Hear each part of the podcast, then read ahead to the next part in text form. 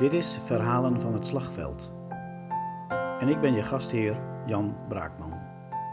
Vandaag hebben we het over Ralph Piercy.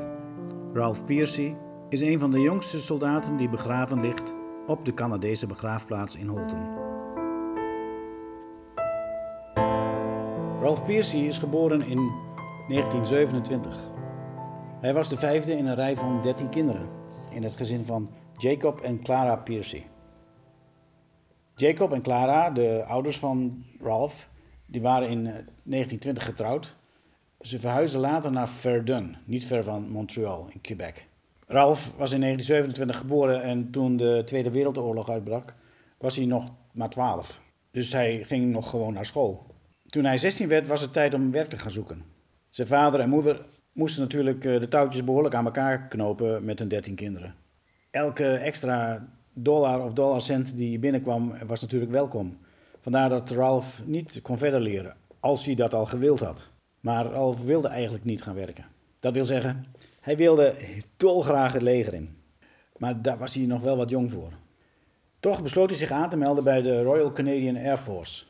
Dat deed hij met een eh, leugentje om bestwil. Hij maakte zichzelf een paar jaar ouder dan hij werkelijk was. En hij was ook niet de enige die dat deed. Een vriend van hem slaagde er op dezelfde manier in om aansluiting te krijgen bij het leger.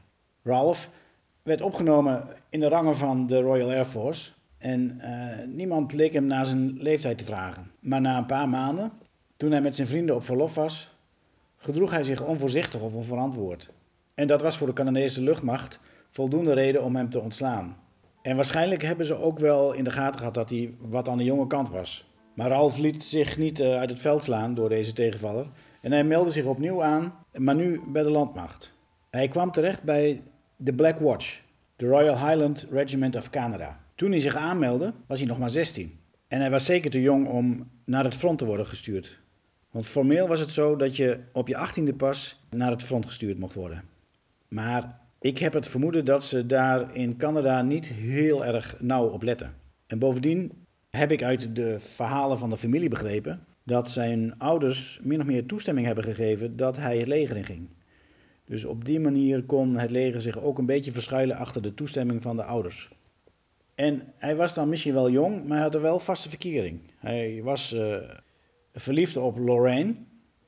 Ik weet haar achternaam niet. Maar ik heb wel een fotootje van haar gezien. Het is een hele leuke jonge vrouw. Die uh, lachend uh, op een zwart-wit foto me toekijkt. En op de, op de, achterkant van die foto staat To Ralph, Love, Lorraine. Ralph die droeg die foto altijd bij zich. Zijn ouders waren blij dat op 7 mei 1945 de oorlog officieel ten einde werd verklaard. Ze gingen ervan uit dat hun zoon veilig was. Maar ze wisten niet op dat moment dat Ralph op 5 april 1945 al was gesneuveld. In Laren, een dorpje in de buurt van Lochem, Gelderland, net voorbij het Twentekanaal.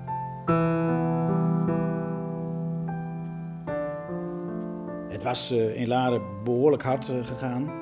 Er zijn veel jongens van zijn regiment, van de Black Watch, ook omgekomen in Laren. En hoe hij precies aan het eind gekomen is, uh, dat kan ik niet precies opmaken uit de gegevens die ik over hem heb. Maar wat er gebeurde is dat uh, de Black Watch samen met het regiment de Maisonneuve en het uh, tankregiment uh, de Fort Garry Horse op 5 april 1945 vanaf het Twentekanaal naar het noorden trokken. En op die manier door het dorp Laren kwamen. Althans, optrokken naar het dorp Laren en ze stuitten op een zware tegenstand.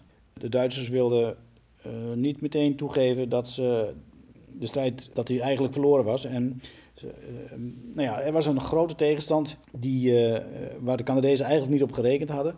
Maar goed, daarbij is ook uh, Ralph gesneuveld. Zijn moeder schreef een hartverscheurende brief aan de legerleiding.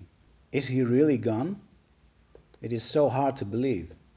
I was hoping there was some mistake. He was just a kid, 17. He was only 16 when he joined. It's so wrong for them to send him and I thought they would investigate.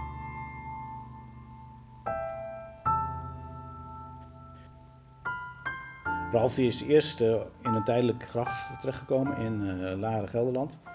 En uh, in de loop van 1946 januari 46 werd hij herbegraven, werd, werd, hij, werd zijn lichaam uit de tijdelijke begraafplaats opgegraven en herbegraven op de Canadese begraafplaats in Holten.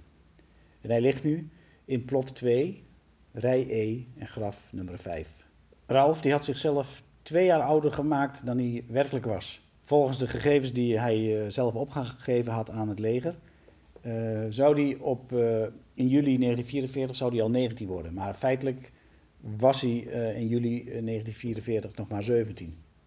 Piercy die werd beschreven als een, een alerte jongen, well-built, red-haired young man. Ik heb contact gehad met de familie van Ralph. Daar kwam onder andere natuurlijk de vraag aan de orde waarom hij nou zo graag het leger in wilde.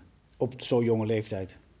Deb Piercy, een nichtje van Ralph, die schreef erover dat uh, zij uit gesprekken die zij met familieleden gevoerd heeft, uh, tot de conclusie is gekomen dat Ralph erg aandrong op, op, uh, bij zijn ouders dat hij, dat hij in dienst wilde.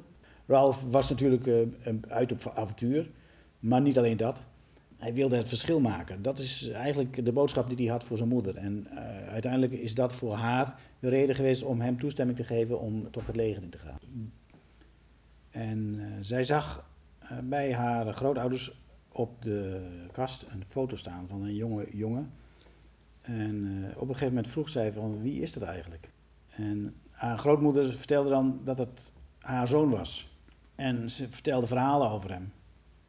En dat was een pijnlijke geschiedenis. Ze vertelde dat hij had gelogen over zijn uh, leeftijd.